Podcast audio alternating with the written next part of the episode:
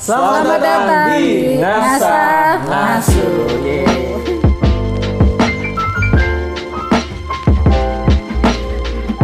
Bunda Ari, assalamualaikum. Waalaikumsalam warahmatullahi wabarakatuh. Sehat, Kang Bun, ya. Purwa, Kita Kang Wilda, heboh ya, menghadapi uh, penulis buku anak. Iya. Siap gitu ya.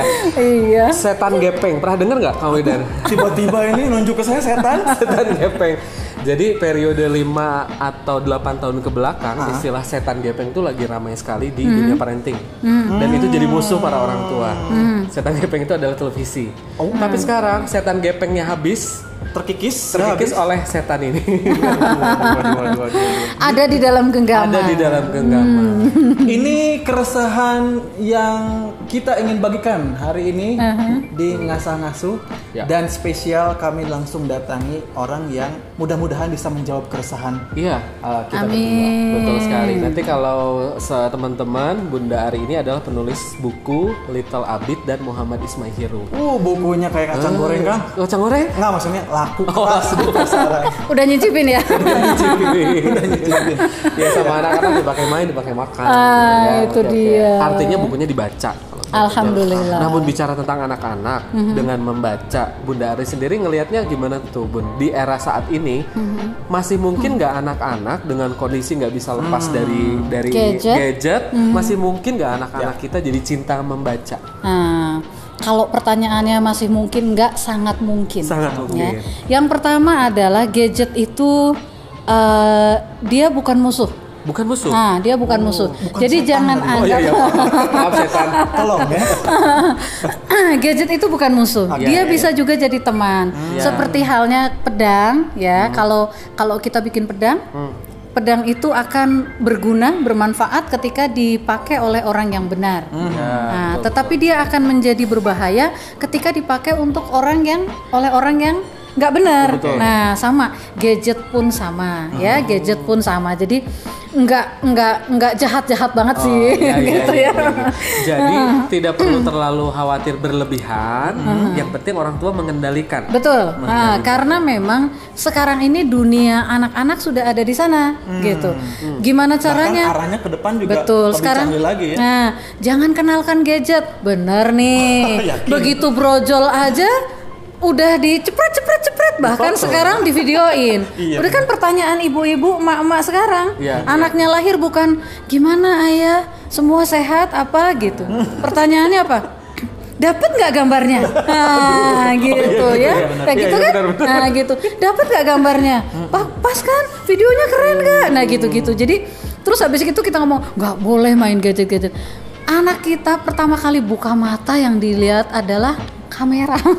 Bahkan sebelum membuka mata Nah, sudah bahkan sebelum membuka mata su- sudah dijepret-jepret. Jadi nggak fair, nggak adil kalau kemudian kita menganggap dia eh, menjadi musuh, betul-betul menjadi musuh. Dia bisa menjadi sahabat, dia bisa menjadi teman selama memang semua ada waktunya. Kapan waktu yang boleh anak-anak kita pakai gadget, kapan nggak boleh. Kapan boleh. Ah gitu dan eh, u- batas usia berapa sih anak saya?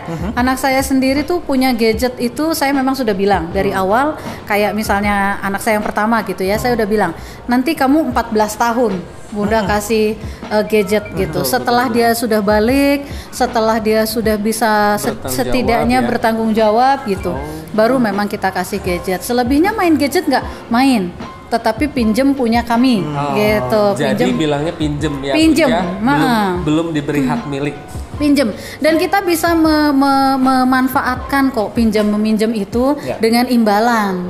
imbalan ya, imbalan Nyewa mis- gitu. nyewa. Orang "Ah, Umi, Matre banget. Umi mau pinjem handphone, aku nyewa nih 2000 gitu ya. Kayak gitu, nyewa lima gitu? enggak Oh, enggak juga. Eh, pinjamannya itu pakai kayak misalnya saya gitu ya eh, eh, dia boleh pinjam eh, handphone kalau eh, saya udah pulang tapi setor hafalan dulu. Oh, Wah, gitu. jadi saya saya tahu tuh kalau anak saya udah pegang Quran gitu, terus deket-deket gitu, Bunda mau setoran gitu. Saya menolak setoran dia, misalnya saya menolak setoran dia, itu bukan nggak mau nerima setorannya, Iya. tapi saya tahu kompensasinya karena setelah setoran itu dia pinjam pinjam handphone. Jadi saya handphone. kalau dia mau setoran gitu, mau setoran. Hmm, mau sekarang atau 30 menit lagi? Karena Bunda kasih pinjemnya 30 menit lagi. Oh gitu. Ah, gitu. Jadi dia dia sudah tahu. Jadi dari awal anak pun sudah diberi ruang untuk dia negosiasi, Yes, diskusi, ngobrol betul, ya Bun ya. betul, betul. Anak sekarang canggih Kang Purwa. Pinter-pinter ah, ya. canggih, canggih, canggih. Oke, kalau Ah. tadi kan jawabannya masih mungkin anak-anak kita dekat dengan buku. Masih sangat Nah, mungkin. uh, Sebenarnya yang menjadi latar belakang Bunda sendiri sampai mau termotivasi untuk Mm-hmm. menulis buku yang spesifik untuk anak-anak gitu ya, untuk Ya. balita itu sebetulnya apa sih? Hmm, pertamanya, pertamanya karena saya suka buku. Suka buku. Hmm. Saya sudah sangat mencintai membaca dari sejak kecil. Saya tuh walaupun tinggal di kampung, Kang Purwa, tetapi ya, tetapi bacaan itu nggak pernah kurang. Walaupun dulu yang dibaca itu komik, gitu ya kan dulu adanya begitulah komik. Jadi saya hafal tuh komik-komik apa segala macam, koran gitu, apa pun lah saya baca dan eh, saya kalau udah baca tuh memang lupa waktu gitu ya. Nah itu. Kemudian setelah saya menjadi orang tua, saya semakin tahu bahwa di tengah dunia kita yang kayak begini gitu eh, orang tua nantinya akan menjadi seperti apa? Anak-anak ih kok anak saya udah ketika remaja ya? Kerasanya jadi orang tua itu kalau anak kita sudah menjelang remaja. Ah, nah belum. Kita belum. Kita belum. belum ya? Belum. Nah nanti. Oh jadi belum. Ini masih aduh kayak pengantin baru masih masih jalan di Bentar, pinggir bentar, Bu. pantai Yang kayak pengantin batu bukan sesama Kang Wildan loh. bukan, bukan. Dengan istri masing-masing ya. dengan istrinya masing-masing.